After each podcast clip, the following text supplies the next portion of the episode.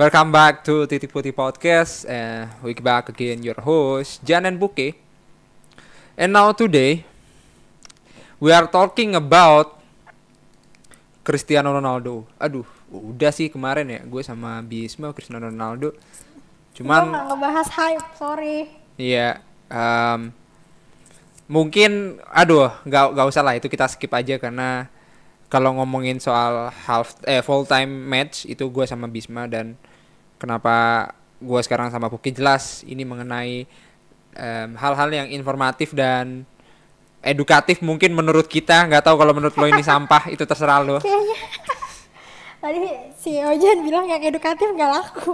Iya iya betul. Karena lo lihat sendiri lah kalau lihat um, video-video yang ngajar-ngajar gitu pasti viewernya lebih dikit ketimbang lo ngeprank gitu pasti masuk trending. So ya menurut gua Udah kita mencoba mengolah bahwa ini akan tetap into dan everlasting buat lo ya. Hmm, anjing susah banget lo. amal jariah jadinya amal jariah nggak tuh? Yang benar-benar kita literally ngomong amal jariah. Moga-moga ini ikhlas ya ya Allah. Oke. Okay. so ya yeah, um, kita akan membahas bagaimana ya liga udah bergulir tiga pekan. Um, mungkin AC, oh bukan AC Milan ya AC Milan udah main kemarin. Uh, kabarnya mungkin kita sebagai fans Chelsea yang Olivier Giroud dan Temi Abraham cukup fantastis. Dua gol lah ya kemarin. Um, ini di syuting ketika AC Milan menang 4-1 dan Temi Abraham juga menang dengan AS Romanya.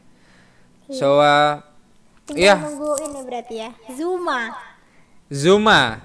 Iya, Zuma sudah deal tapi belum bermain juga. Dan ini hampir deadline day.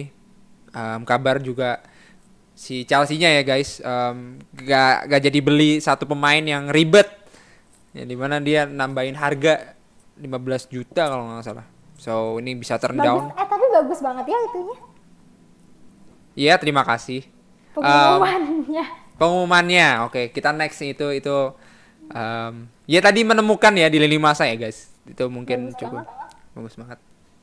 Ya um, next kita tidak akan membahas deadline transfer, kita juga nggak akan membahas Cristiano Ronaldo dan Giroud dan teman-temannya. Kita akan membahas bagaimana ketika um, teman gue Sarotu Fatur dan mungkin Buke juga tahu hasil-hasil dia di mana. Yang di mana dia udah away days setiap saat dan mungkin season ticket holder yang seramai itu dan kita request dan kita tidak bisa mendapatkan ntar dianggap turis ya kalau di Anfield mendengarkan YNWA stands So dan cuman satu row doang ya, satu biasanya itu yeah, tribun yeah. G, tribun H kalau OWD itu selalu ditempatkan di tempat yang sempit, biasanya di pojok sudut corner biasanya emang away itu selalu dipinggirkan, selalu selalu. Kalau yeah. kalau di Liga Indonesia tergantung sih. Lo pengalaman away gimana? Tempatnya kan kayak kayak tidak ramah. Away gua home terus. Yo. Cupu anak home pak tapi kalau misalnya di itu ya kebanyakan nggak datang sih UE-nya gitu jadinya yeah. tapi biasanya dapet tempatnya bagus yeah, kalau yeah. di Liga Indonesia yeah. buat UE kalau menurut gue ya nggak tahu ini pemikiran gue atau enggak sebenarnya stadion itu um, inside stadium itu um, lapangannya nggak liter di tengah loh kayak ibaratnya ini ini kan A sampai H lah ya misalkan dan di belakang gawang itu G dan B misal Nah, itu bisa aja tribun G itu lebih dekat dengan gawang gawang ketimbang tribun H yang dekat dengan depan gawangnya itu. Menurut gua ya. Menurut gua, kayak jogging tracknya nggak liter jogging track juga ada, tapi kayak kayak nggak benar-benar pas sentral gitu loh lapangannya menurut gua ya, guys. Ya. Yeah.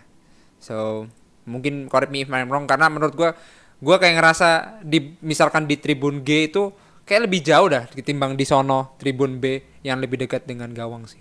So, atau mungkin karena lo dari Tribun pak tapi sebenarnya nggak tahu ya Nanti yeah, kita yeah. jadi berantem lagi di sini. Ya nggak apa-apa. Ini kan juga ada ngomongin tentang Tribun dan crowd juga dong. Waduh, udah gak ngasih outkiss. Soalnya kayaknya sama aja jogging track itu kan simetris soalnya.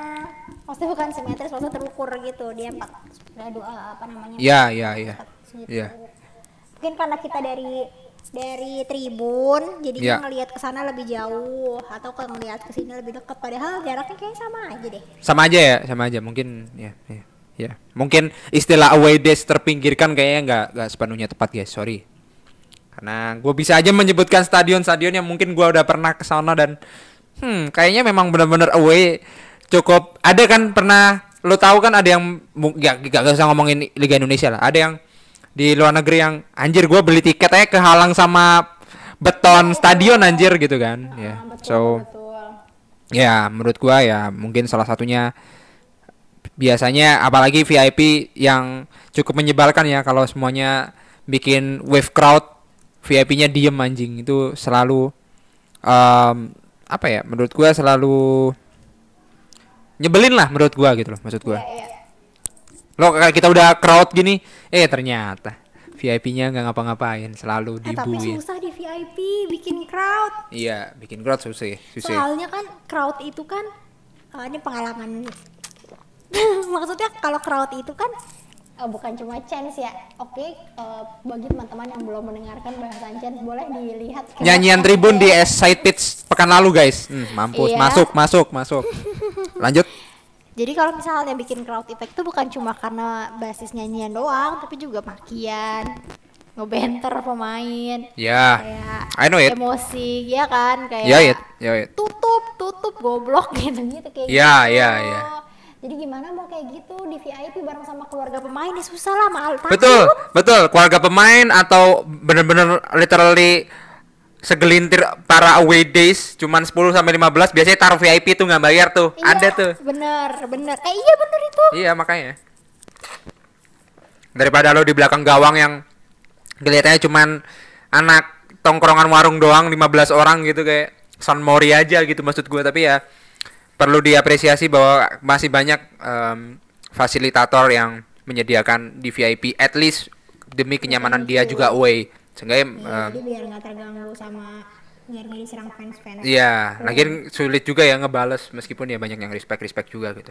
Karena mungkin gua lahir di basis supporter yang cukup damai ketimbang jalur Gaza Puke yang nggak perlu dijelaskan ya. Jadi so sejauh ini cukup santun yang di mana kita mungkin menjadi penengah. So nggak perlu itu no mention kita nggak perlu nge-shout out tapi ya, ya. BRI Liga 1 anyway mulai semoga um, tetap um, apa tadi bilang nggak ada penonton oh. juga tetap kalian mendukung oh. dari rumah melihat nonton langsung. So good luck untuk BRI Liga 1 ya at least ada kabar baik lah kalau uh, sepak bola Indo jalan lagi sih. Cukup menarik cukup menarik. Meskipun banyak kemarin yang kontroversial mengenai referee. Ya Chelsea Liverpool juga referee. So next. Karena kita akan fokus pada uh, crowd yang di mana ya yang seperti yang lo tahu meskipun sudah dapat tiga pekan di Liga Inggris sudah ada crowd um, dan selamat untuk Spurs karena ini jeda internasional dan dia peringkat satu. Ya, jadi bertahan lama. Ya at least bertahan selama selama seminggu lah at least. Yang di mana dia hanya butuh dua eh butuh tiga gol yang di mana satu kosong satu kosong satu kosong menjadi peringkat satu. Dan um, ada rekor juga ini fun fact yang di mana pada saat Spurs lawan City itu untuk Spurs sendiri rekor gue lupa berapa yang jelas um, tribunnya penuh lah dan akhirnya mendapatkan um, kabar baik yang di mana full time-nya menang uh, Spurs kan uh, pada saat itu Man City kalah di pekan pertama ketemu Spurs. Ngomong-ngomong soal Spurs, waduh. Kita juga akan membahas bagaimana um, mengenai apa ya, gue bisa bilang perbedaan ya. Apakah sebenarnya dengan adanya um, penonton sekarang yang hadir di dalam stadion dalam tanda kutip um, Liga Inggris atau La Liga atau Liga top Eropa itu berpengaruh nggak terhadap hasil akhir? Kan gitu kan gitu sih. So um, ya menurut gua cukup signifikan atau tidak dan ternyata ada datanya ya di mana di pandemik itu kita anggap 2019 2020 lah nah dan itu sebelum pandemik datang kita bisa bilang datanya seperti itu so uh, apakah emang benar-benar berpengaruh ya kalau tanpa penonton itu um, bisa bisa melihat uh, bisa bisa mengaruhi hasil akhir. Ternyata berpengaruh. Dan berpengaruhnya Persija, untuk siapa? Persija juara, Pak. Kemarin tanpa penonton juga, Pak. Ya, terima selamat, selamat, selamat. Mungkin kan, mungkin, mungkin kan faktor X, guys. Kita tidak satir, tidak apa. Dulu nih, ya. dari Liga 1 gimana kan gak ada penonton juga nih dari Liga 1, belum boleh ya kan? Ya, ya, ya. So uh, tapi kita tidak menunjang aspek uh, belum bikin jurnal Puke juga belum bikin skripsi mengenai apa sih uh, objektifikasi Persija juara Liga 1 apakah karena faktor X-nya adalah penonton kan nggak nggak ada data itu. Jadi kita tidak menampung Liga 1 ya untuk sebentar. Liga 1 eh karena jago apalagi ya. Eh eh Jack mania gitu coba. Ya nggak apa-apa nggak apa-apa pride pride man pride. This is about pride man.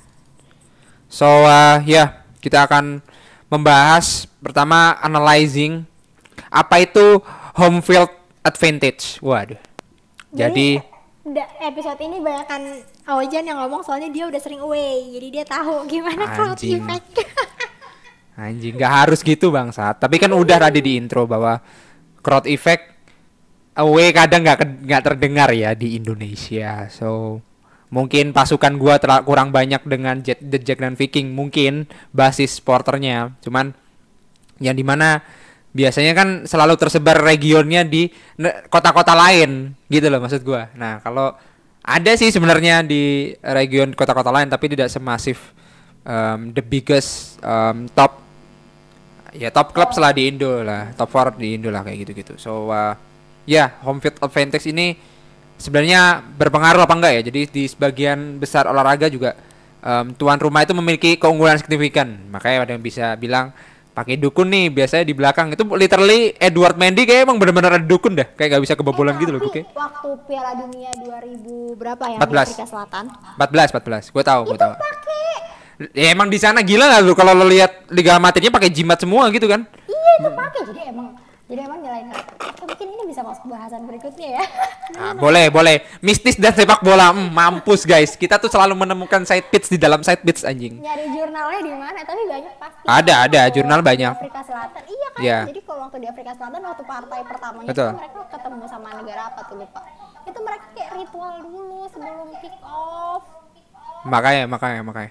Sorot tuh pandit football. Ini nggak tahu sebenarnya ini bisa diksi yang um, bisa menyinggung tapi terlalu banyak berdoa akhirnya kebobolan. Gue pernah baca tweet itu. Eh gue pernah baca apa? Um, bacaan itu yang di mana emang bener literally terlalu lama berdoa akhirnya kebobolan karena udah peluit di peluit kick off udah dibunyikan tapi langsung dicetak gol. Kayak ibarat kita main PES atau main FIFA ya di game. Lo bisa nyetak gol di tengah kotak penalti ya. Ya kayak gitulah. Hmm. tapi tapi kita akan membahas um, memiliki hipotesa yang di mana data kole kita kolektif datanya waduh anjing kita udah mau anjing sih ini bahasa bahasa side pitch anjing emang guys.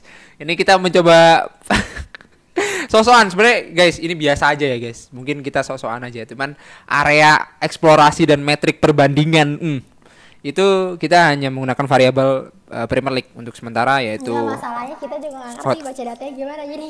Iya iya. Saya saya bisanya tapi at least home home advantage-nya kayak gitu guys So uh, ya, yeah. gua bisa bilang kita akan mengambil um, datanya dari 2019 2020 sesuai dengan data Sorotu uh, according to towards data science the impact of the fans on Premier League teams. Jadi the whole Premier League teams ketika tanpa dan ada fans itu seperti apa gitu kan.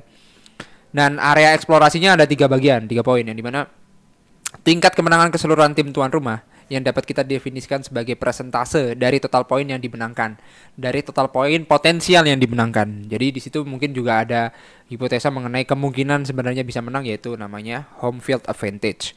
Kemudian yang di poin kedua, pembagian pelanggaran atau kartu kuning yang diberikan kepada tim yeah. tuan rumah versus tim tuan tamu oleh eh tim tuan tamu, tim tamu oleh wasit yang mungkin merasakan tekanan dari para pendukung yang mau Ya, jadi intinya yang di poin kedua adalah variabel kedua yaitu mengenai pelanggaran atau kartu kuning mungkin bisa lebih banyak atau lebih sedikit ketika ada pema ada pendukung atau enggak itu yang di poin kedua. Yang ketiga persentase tembakan tepat sasaran oleh tim tuan rumah. Lu juga pasti nggak nyangka kan maksudnya emang ternyata ngaruh ya? Ngaruh ternyata ya betul. Tembakan. XG XG kalau sekarang bilang expected goals ya betul lanjut.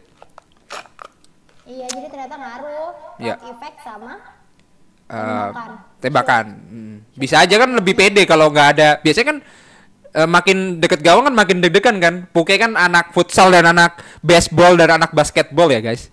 Jadi ketika dia solo run menuju ke gawang lawan biasanya pasti deg-degan dong pasti kan pasti kayak di terus di, dibacotin lagi kan di Iya, dibacotin lagi kan. Iya, iya, iya. Pressure hmm. tinggi. Wah, akhirnya kita menemukan yeah. Yeah. garis merah ya. Yeah. Kita ada kuis guys. Kuisnya dapat hadiah lima puluh ribu. Lo coba tebak. Puke selama futsal ikut liga futsal dia bisa nyetak gol berapa? A ini ini kasih angka ya, lower or higher. 15 at 15 bisa lower atau higher. Gua kalau gua kalau gua higher ya guys, meskipun dia back. Gua mah Oh ya udah, berapa kali Poke mendapatkan clean sheet guys? Hmm, mampus. Oh, ya, ya biar tahu loh, backnya tuh selain dia clean sheet bisa nyetak gol nggak sebenarnya? Oke, okay.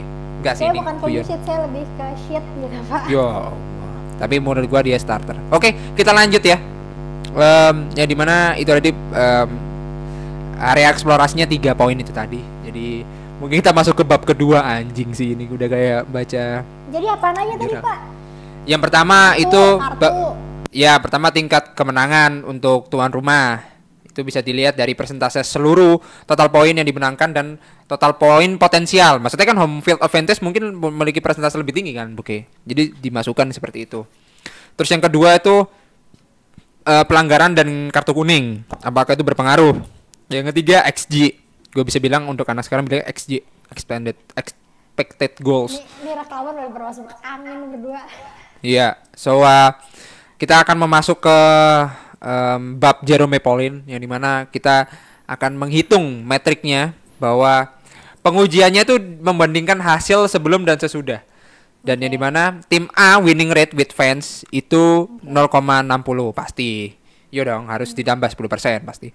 Tim A winning rate without fans kita kasih 0,40%, eh 0,40. Kemudian uh, masuk kepada uh, lift atau bukan bukan lift sih sebenarnya. Ini membandingkan rata-rata dari dua pertandingan itu yang di mana peningkatan antara uh, nilai with fans and without fans. Hmm.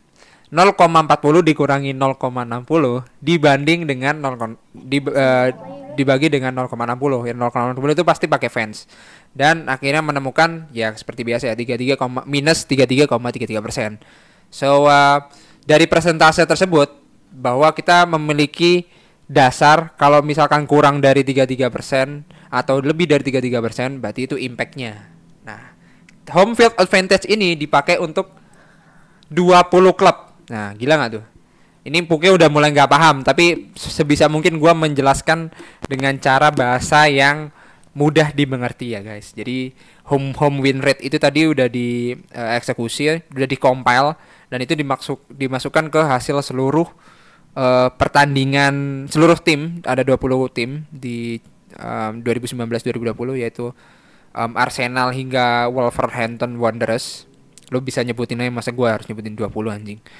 So um, melihat melihat data tersebut ternyata ada dua tim sebenarnya ada tiga ada empat bahkan tapi kita lebih mencolok siapa sih yang benar-benar tanpa fans itu bisa menang lebih banyak apakah benar-benar pengaruh gitu maksud gue So um, ada yang signifikan banget pak. Ya maksudnya itu kan banget. signifikan yaitu West Ham United dan juga Southampton. Meskipun nomor tiganya honorable mention Chelsea tapi kita nggak perlu nyebutin karena itu mungkin top top leagues gitu ya top 5 the big big team biggest team. So uh, jadi rekor kemenangan tandang ini 2019-2020 itu positif untuk West Ham dan juga Soton. Kenapa kok demikian, Bang? Karena kedua tim ini termasuk di antaranya lima rekor kandang terburuk di Liga Primer di musim 2019-2020 dengan lebih banyak kekalahan daripada kemenangan. So um, kita melihat kondisi seperti tersebut. Oh ternyata mereka kalau pakai fans itu kalah dengan lima kali beruntun kalau lo lihat sendiri di 2019-2020. Pada saat pandemi muncul, teng, dan dilihat di hasil akhir di Premier League 2020 19 2020 bagan home table itu menunjukkan sebelumnya tuh dia peringkat 16 dan 19 West Ham dan juga Soton dengan kekalahan 9 dan 10 di 19 laga. Tapi pada saat udah ada match home table-nya West Ham United langsung merosot eh merosot lagi meningkat drastis yaitu di nomor 2 dengan kemenangan 10 dan juga kekalahan hanya 5. Ini home eh, table guys. Ini, ah, tapi jurnal ini termasuk ini kok gampang diakses. Nanti mungkin bisa di iya pastilah. ya, ya bisa bisa bisa. Catatan kakinya mungkin. Dia juga pernah ya. ini soalnya pernah ngutip. Terus gue pengen nyari juga oh ternyata kalau kita nyari comparing uh, apa namanya yang tadi dibahas itu ya iya iya iya ya nggak begitu apa sih itu semua tadi. Iya iya iya iya iya. So um, gampang di yeah, Google yeah. langsung keluar jurnalnya yeah. itu. Karena kayaknya jarang penelitiannya yang ya baru setahun kan mungkin yeah. reliabilitasnya yeah. masih harus ditingkatkan yeah. yeah. lagi sebenarnya ada guys penelitian dari Puke cuman nggak pernah dirilis secara publik aja gitu kalau misalnya gue waktu itu pas skripsi tuh nelitinya itu uh, sifat fans kalau lagi home sama lagi away ya ya Tolong jangan masuk ke SP5 anjing. Tolong tahan ini ini kita harus fokus gini dulu ya. Gua nggak mau ya.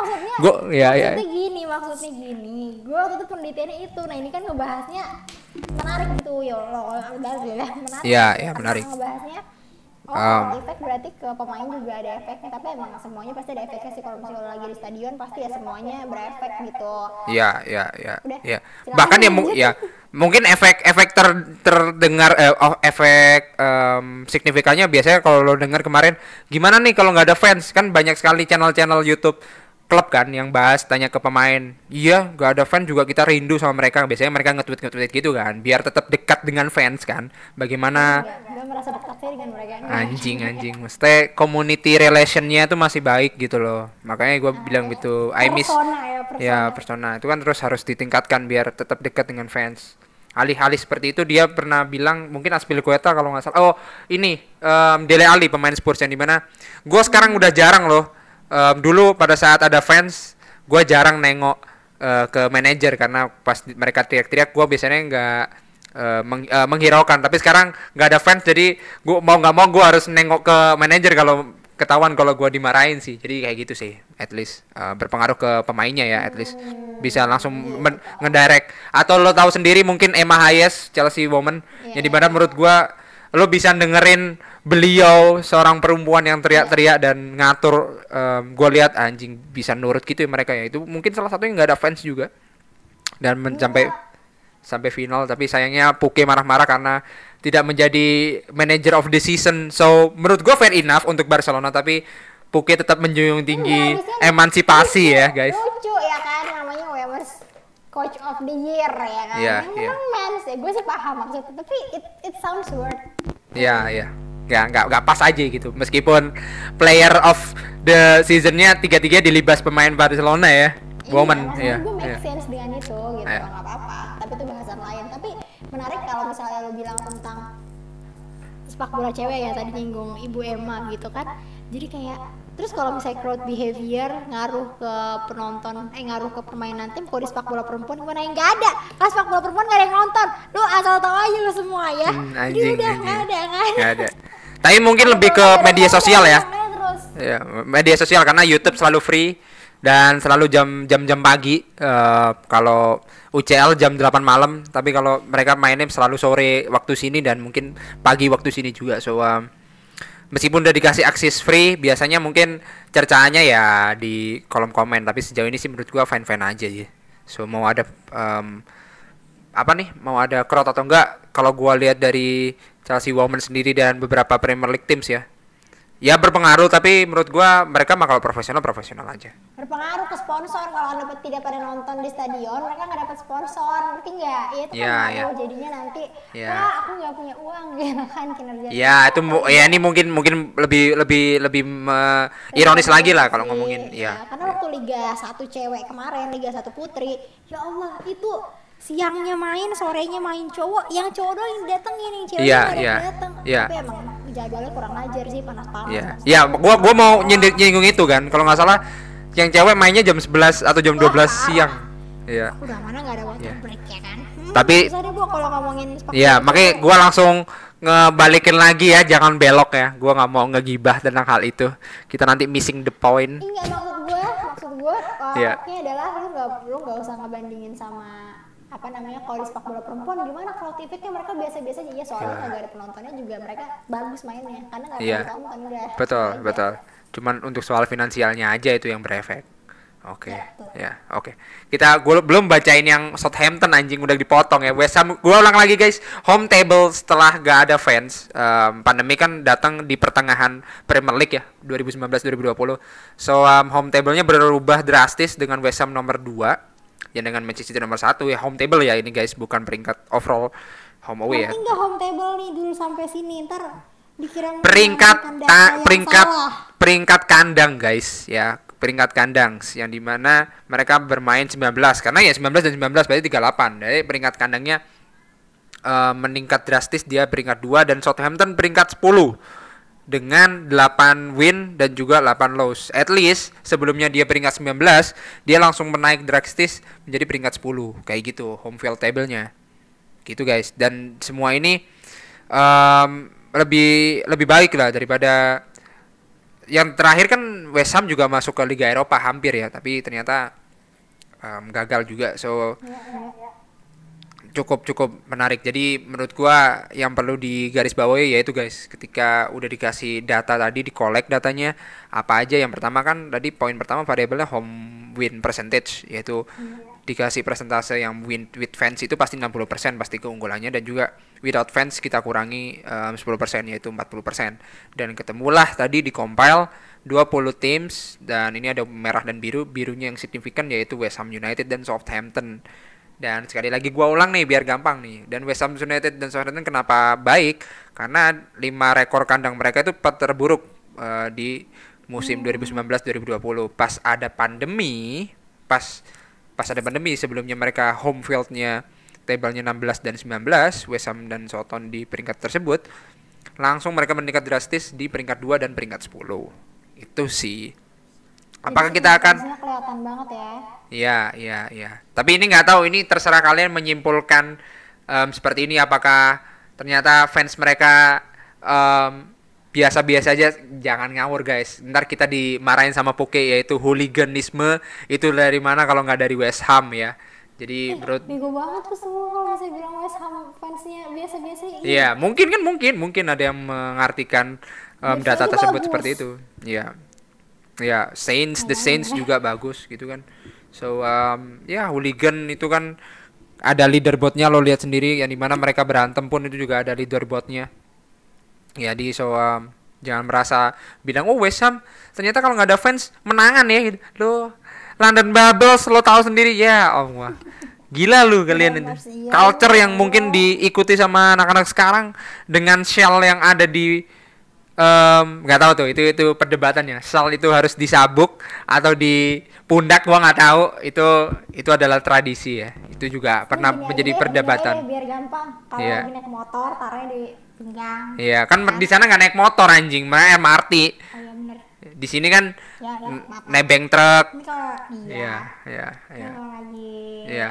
Persijade kan di motor iya di motor di kepala biasanya kayak gitu-gitu. So um, menurut gua atribut atribut salah satu culture yang uh, menyumbang um, ya, hooligan itu West Ham bagus-bagus dan keras sih memang. Kalau mau berantem sama Rusia ya pasti fans West Ham kalau nggak fans Liverpool sih. Kalau away days Inggris lawan Rusia ya. Tapi kita next saja kita nggak mau menyinggung fan West Ham di sini.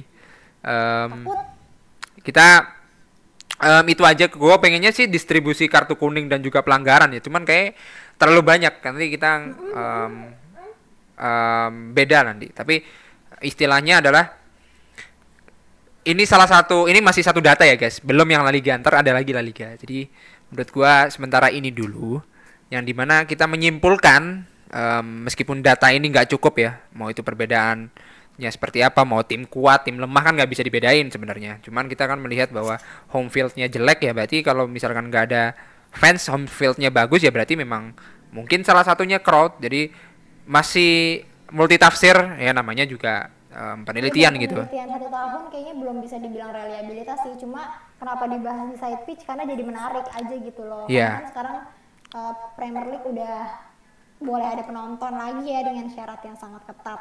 Iya. Yeah. Nah, jadi mungkin nanti kita bisa lihat lagi nih di tahun ini gimana yeah. nih persentase mereka home table-nya si West Ham sama Soton nih di tahun ini gimana setelah tahun kemarin kan mereka bagus pas pandemi gitu. Iya, iya.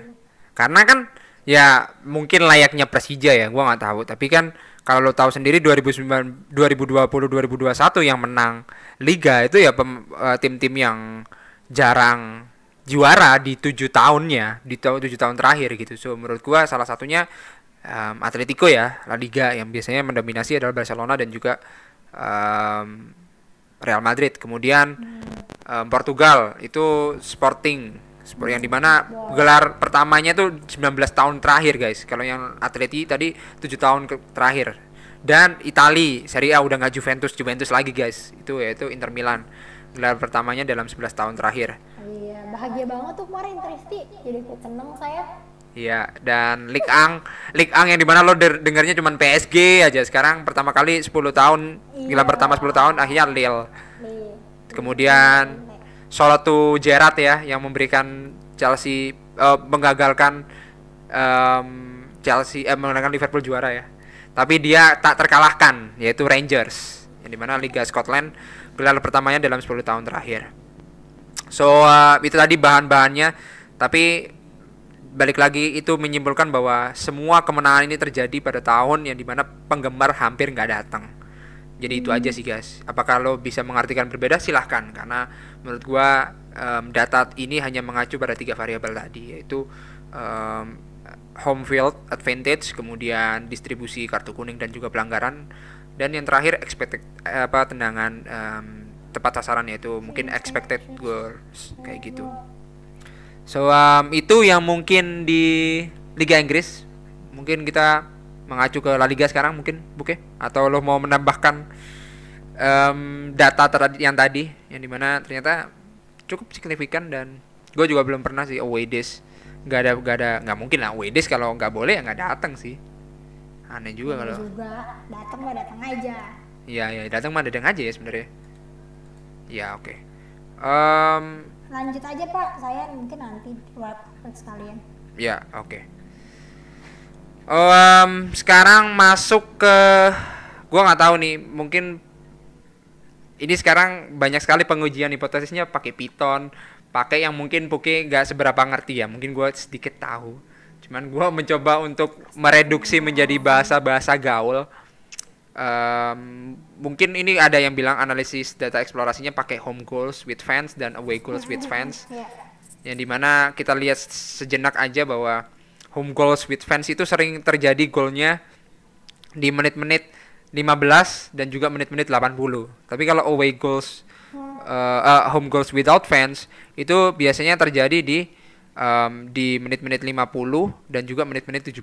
Jadi bisa oh, aja berpengaruh. Ya. ya. lebih cepat, lebih cepat, lebih cepat, lebih cepat. So um, ya mungkin itu bisa berpengaruh karena kan kalau ketika ada fans kan bisa-bisa detik-detik terakhir kan Boge. Ada last minute goal dan sebagainya, oh. injury time kayak gitu gitu sih yang itu mungkin dirasakan oleh AS Monaco ya yang di mana oh, dia iya? gagal masuk ke um, kualifikasi Champions League I think Champions League iya betul dan itu yang membuat koefisien Ligue 1 menjadi nomor 6 jadi meskipun ada Messi datang pun bukan menjadi top 5 European European Leagues jadi itu juga salah satu advantage untuk Liga Portugal yang menduduki peringkat 5 kalau nggak salah kayaknya Mm-hmm. Gua tuh awalnya ngira iya AS Monaco masuk tahunnya yang enggak. Iya, iya. So um, itu mungkin analisis data dari um, Liga Inggris. Dan sekarang kita mencoba untuk Liga Spanyol.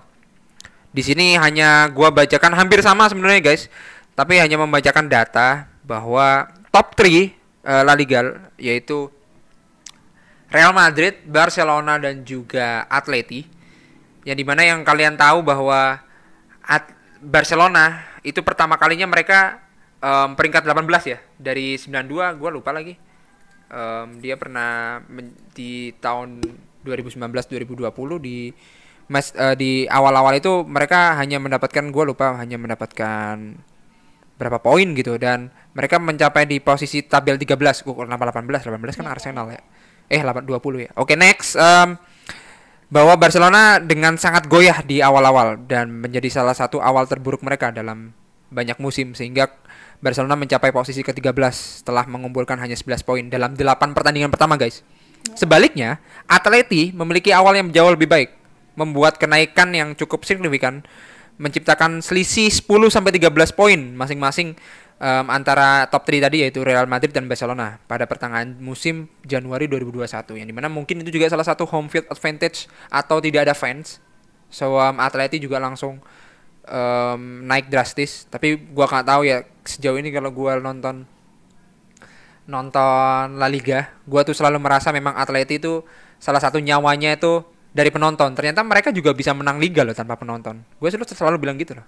Gue tuh selalu menganggap tim semangat di belakangnya Diego Simeone itu ya memang para penonton. Cuman sayangnya tidak berlaku dan mereka udah mematahkan bahwa mereka bisa juara tanpa adanya penonton sih. Gue rasa sih itu gue tuh selalu ngerasa paling ramai loh. Ya? iya bener kan? Ya, ya. lo lo kalau ngelihat Atleti dengan pemain barbarnya Atleti ya dan Diego Simeone yang barbar lah ya kita anggap Semua mainnya barbar gue udah gak ada ya. sama Simeone tapi gue suka. Iya dan dia bertahan men. Gila salah satu orang yang bertahan tetap iya itu masih salah satu manajer yang tetap kuat lah meskipun kalah dua kali kalau nggak salah di final. Tapi um, Real Madrid dan juga Barcelona pun tidak bisa mengalahkan mereka di musim 2020-2021 so um, mungkin banyak faktor ya Iya banyak, banyak faktor. faktor kenapa klub-klub ini di 2020-2021 itu kencang banget. Iya, ya iya. Kita sekarang melihatnya dari ini aja deh dulu. Ada fans nggak ada fans. Ya betul betul. Balik lagi ke koridor itu aja dulu gitu. Banyak sekali karena uh, mau itu bangkrut bahkan pandemi itu pun juga mengurangi sisi finansial mereka gitu kan ada yang ngejual hak siarnya uh, live streaming seperti apa hmm. kayak gitu gitu kan season tick Boca Junior kemarin ini sih udah udah udah bisa datang fans jadi nggak ada ininya perbandingan ya ya ya ya ya ya ya belum sih tapi yang jelas um, kita hanya menambahkan kenapa Atleti bisa juara gitu um, melihat bagaimana menganalisa top 3-nya kita anggap top 3-nya di sini adalah Man City, Man City lagi Real Madrid, Barcelona dan juga um, Atleti. Dan ternyata memang kita lihat sendiri gitu bahwa mungkin mungkin um, dengan dia di peringkat 13 Barcelona di mus awal musim itu mungkin juga salah satunya home field advantage-nya nggak ada nggak ada fans. Itu aja sih um, yang di La Liga ya karena semuanya kita dikompel dengan Python jadi gua nggak bisa mereduksi dengan um, bahasa manusia lah ya karena banyak sekali. Atletico juara nih ya musim ini. Iya, iya. Itu udah beda lagi. beda lagi, udah beda lagi, gak, gak relevansi lagi gitu. Mungkin ada penelitian ini karena ada statistiknya banyak sekali ada points, goal difference, iya, matches won. Iya banyak yang di mana cukup signifikan gitu value-value-nya. So, gua nggak bisa menyimpulkan secara baik dengan analisis sederhana ini. Nggak sederhana anjir ini sebenarnya. Menggunakan plotly dan Python ini salah satu bahasa yang mungkin pustaka yang mungkin baru lah untuk Poke gitu. So ini fitur interaktifnya cukup bagus ya iya ya analisis data yang lain Python sih lebih ini jadi ngomongin ini ya data. Enggak cuma ini sih pak. Uh, value-value-nya tuh banyak banget tapi kan yeah. pasti penelitian itu ngambil value-value yang sangat tertentara gitu kan di betul betul betul betul. gitu loh. Jadinya betul. ya udah lo nikmatin aja tuh ngebaca Python pakai itu. Tapi ya lo nggak bisa memungkiri kalau misalnya ya udah itu yang ada di lapangan tuh kayak gitu. Ya ya ya so um, mungkin terakhir terakhir karena tadi kan udah ya. Sekarang kita ternyata guys stadion itu dan juga klub mau nggak mau nggak kehabisan akal dong gimana caranya meskipun gak ada fans tetap berasa bahwa nuansa fans itu tetap hadir kan di dalam stadion. Makanya disebutkanlah ada beberapa klub ini cukup baik ya yang di mana pakai fake crowd. Nah kalau lo pernah tahu Spurs itu pas awal-awal itu, nah ini kok ada yang keplok-keplok. Itu apakah dari broadcaster kita nonton um, TV-nya? Ternyata enggak guys. Ternyata memang ya, dengan. lagi ini, lagi sporteran. Iya, iya. Mungkin ya um, stadionnya itu ternyata memang benar dikasih fake crowds. Fake crowds ini dan cukup efektif. Salah satunya Sevilla. Ada yang bilang ini sebenarnya CGI guys, broadcaster yang ngasih suara-suara tribun ini. Ibarat kalau lo main PES lo, Puke atau FIFA, biasanya kan orang-orang yeah. biasanya di crowd crowd noise-nya tuh dikecilin atau digedein meskipun gak ada penonton ya, mungkin di situ. Nah, itu mungkin hampir sama, itu fake crowd namanya. Dan itu ternyata pernah dilakukan yaitu oleh La Liga. Salah satunya timnya adalah Sevilla bahwa it actually works. Di sini tuh um, bilangnya computer generated crowds yaitu mungkin fake crowds lah gue bisa bilang. So um, yang di mana um, gue nggak tahu ini skornya berapa tapi kayaknya Sevilla pada saat lawan Betis menang. Dan Spurs juga salah satu contohnya. So menurut gua cukup keren ya Buke apakah itu masuk dalam variabel tadi gua nggak tahu.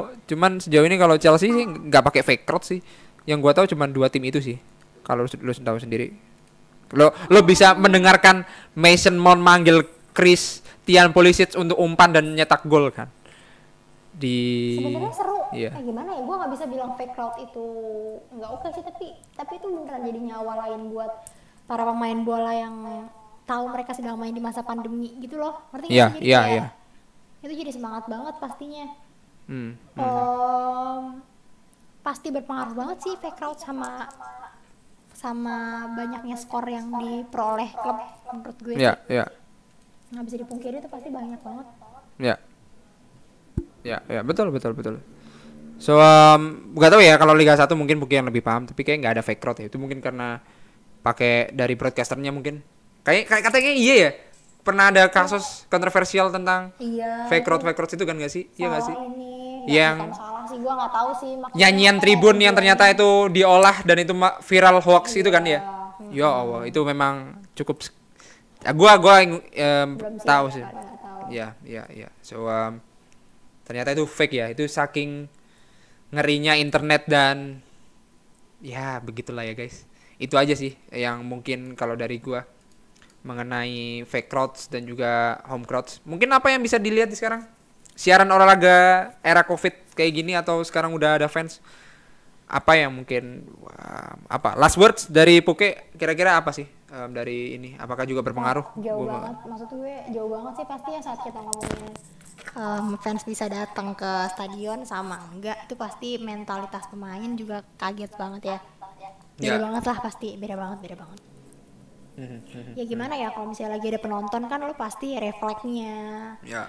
Uh, pembuktian diri untuk terlihat sangat baik di depan para penonton itu juga pasti tinggi dibanding kalau misalnya lo main di dalam stadion yang sangat sepi gue tuh kalau misalnya uh, masuk stadion gitu ya hmm. datang gitu sendirian di tengah-tengah lapangan juga kayak AWK banget kan kalau misalnya nggak ada orang lain gitu ya ya gitu. ya. kalau misalnya lo pernah bilang eh kalau misalnya lo pernah denger nih si Via Valen nih Via Valen ngomong yang gue Via Valen Via Valen sama dua lipa deh perbandingannya ya. Waktu dia nyanyi di pembukaan ASEAN ASEAN Games ya kalau ya, ya, ya, ya. dia bilang tuh beda banget ya nyanyi di konser walaupun kayaknya orangnya banyak di konser tapi uh, nyanyi di stasiun nyanyi, nyanyi nyanyi di stadion tuh kayaknya beda banget ya. Ini yeah. nggak bisa gitu loh gue gitu. Jadi kayak memang beda banget. Jadi memang crowd effect itu um, simplifikasinya ke para pemain juga pasti tinggi banget gimana cara wasit akhirnya nyawa nyawa iya jadi nyawa banget sih. Gue bisa bilang ya mungkin kenapa tadi ada tuh masalah wasit ngasih kartu itu bisa jadi salah satu pengaruh ya ada penonton ya. sama enggak. Ya, ya iyalah kalau misalnya wasit nih udah panas banget dia kan pasti memperhitungkan juga adanya penonton. Ya ya ya guys guys. Ya betul. betul gimana. betul. Walaupun juga punya yang namanya uh, panduan rule of the game gitu kan. Ya. rule of the law-nya dia juga pegang. Tapi kalau misalnya lu udah ada di dalam satu kerumunan massa terus lo ngambil keputusan yang salah kan lo Ya, ya, ya. Itu yang juga ada ini gosip guys, yang di mana Chelsea lawan MU kalau lo tahu, kalau Mason Ode kan kartu merah. Eh bukan kartu merah, kalau Mason Ode kena handsball. Dan ternyata Luke Shaw dan juga Maguire pernah terdengar pada saat wasitnya gue lupa pada saat itu bilang kalau habis lihat VAR ketika dia ngasih kartu merah ini akan um, berefek pada apa sih kalau nggak salah um, Ole yang pernah um, ngasih tahu itu ya. Yang di mana kalau lo tahu gambarnya Maguire Smackdown Aspilicueta. Nah setelah ke berikutnya itu pertemuan lagi di Stanford Bridge kan kalau nggak salah. Dan yang di mana um, tangannya kan kalau nggak salah tangan kalau kalau Mensonoda itu handsball. Tapi pada saat VAR-nya bilang uh, wasitnya bilang habis lihat VAR ini kalau gua kasih kartu merah bakal rame nih. Pokoknya ya, istilah kayak gitu. ya. dan itu didengerin sama Shaw dan juga Maguire. So ya keputusan-keputusan itu juga salah satunya berpengaruh dari crowd juga guys gitu. Dan banyak banyak iya, kontroversi. Ya tahu sendirilah Liga Lituania yang di mana kalau keputusan wasit itu bisa digebukin gitu maksud gua. Masuk nanti sporternya. Masuk nanti sporternya itu cukup ya moga-moga legas membaik lah ya Liga Lituania itu aja sih kayaknya cukup ya maksudnya kita udah ngebahas mungkin um, variabel kita dalam pembahasan kenapa West Ham dan Soton itu uh, home rate-nya lebih tinggi dibandingkan Betul. dengan tidak ada penonton itu hmm, pasti banyak banget variabel yang lain tapi menarik saat kita ngomongin soal crowd effect. Apalagi kemarin kita habis ngebahas soal nyanyian tribun. Ya masuk. Ya pendengar ya masuk masuk tribun. masuk.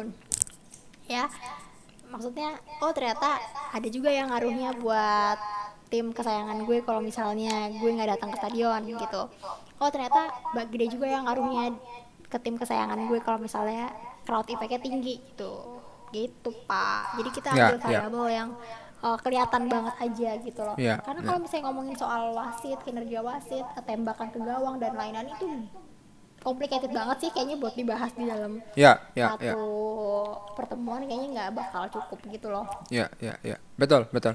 Sebenarnya guys, gua di detik-detik terakhir ini selalu um, ingat satu yang pengen kita bahas tapi selalu nggak bisa karena mungkin uh, cukup aja karena gue juga membahas soal Lukaku bisa nyetak gol tanpa dan ada supporter pun gue lupa untuk menyertakan source dan belum pernah gue pelajari iya. so menurut gue tuh juga kayaknya banyak ininya ya apa namanya ya complicated apa? lah ya complicated ya ya ya ya ya itu mungkin lebih rumit lah karena kalau nyetak gol menurut ya mungkin itu juga ada masuk dalam variabel ya um, yang tadi expected goal cuman kayaknya kalau Liga Italinya kan kita belum mendapatkan datanya gitu. Sejauh ini kan cuma La Liga dan juga Premier League. So um. Liga Italia kan balik lagi seni nyanyian tribun masuk dah. Liga Italia, hooligan dan juga ultras lo tanya sendiri DM aja Puke itu gimana penjelasannya lo bakal dikasih jurnal. Kenapa ultras seperti ini, hooligan seperti ini. Jadi um, itu beda, beda unsur. Jadi kenapa gua memasukkan uh, mengetising atau mencubit topik yang gua pengen masukin yang gua ternyata lupa untuk mempelajari yaitu ya Lukaku bermain di Italia sebelum dia uh, pindah balik lagi ke Chelsea.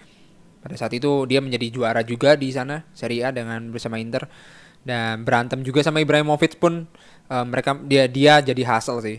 Menurut gue cukup keren. Jadi menurut gue pengennya um, how uh, watch playersnya tuh si Lukaku tapi sayangnya kita tidak bisa masukkan di sini um, itu aja sih Mau menurut gua. daripada salah ya? Ya daripada salah kan ya. Daripada kita mengambang dan opini lebih besar daripada fakta nanti tidak substantif kalau kata Puke.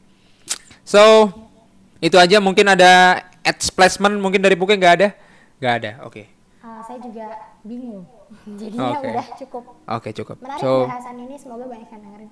Betul, oke. Okay. Terima kasih untuk buat kalian untuk buat buat kalian yang terus dengerin Terima kasih yang udah nge-retweet um, hasil video-video yang udah disebar oleh Puke. Uh, menurut gua itu salah satu intro yang gua pelajari secara spontan uhui dari gak perlu kita tahu kasih tahu dapurnya tapi menurut gua oh anjing ini loh yang gua cari-cari. Sebelumnya gua nggak nggak berhasil untuk mendapatkan um, noise itu dan akhirnya kemarin bisa.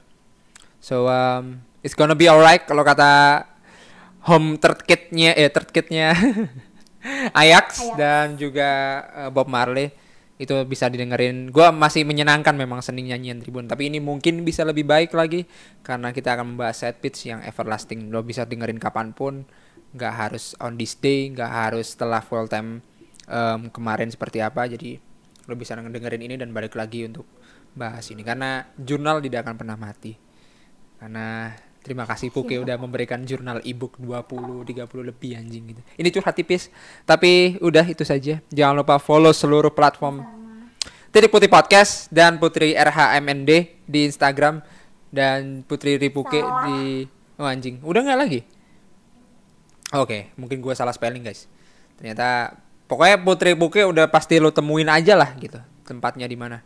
Itu aja yang selalu uh, ngomel-ngomel nggak ngomel-ngomel sekarang. Cukup santun cukup baik dan kalau lo menanyai sepak bola morden persona nah tanya kepada Putri Rahmadani itu saja. Jangan lupa seluruh follow titik putih podcast dari Facebook dari TikTok dari Instagram dari Twitter dan OnlyFans-nya belum. Ternyata OnlyFans-nya nggak jadi tetap pornografi iya, boleh. Anjing gue nggak usah di OnlyFans. Nggak usah di OnlyFans sedih banget. Personanya beda ya, lagi sesuai dengan nilai dan moral bangsa betul. Indonesia What? Waduh. Iya betul, betul, betul, betul, betul. Oke. Okay. kita udah mengacu ke yang lain so gua langsung tutup um, episode ini and ya yeah, seperti biasa gua dan Puke signing out and see you in the next episode bye bye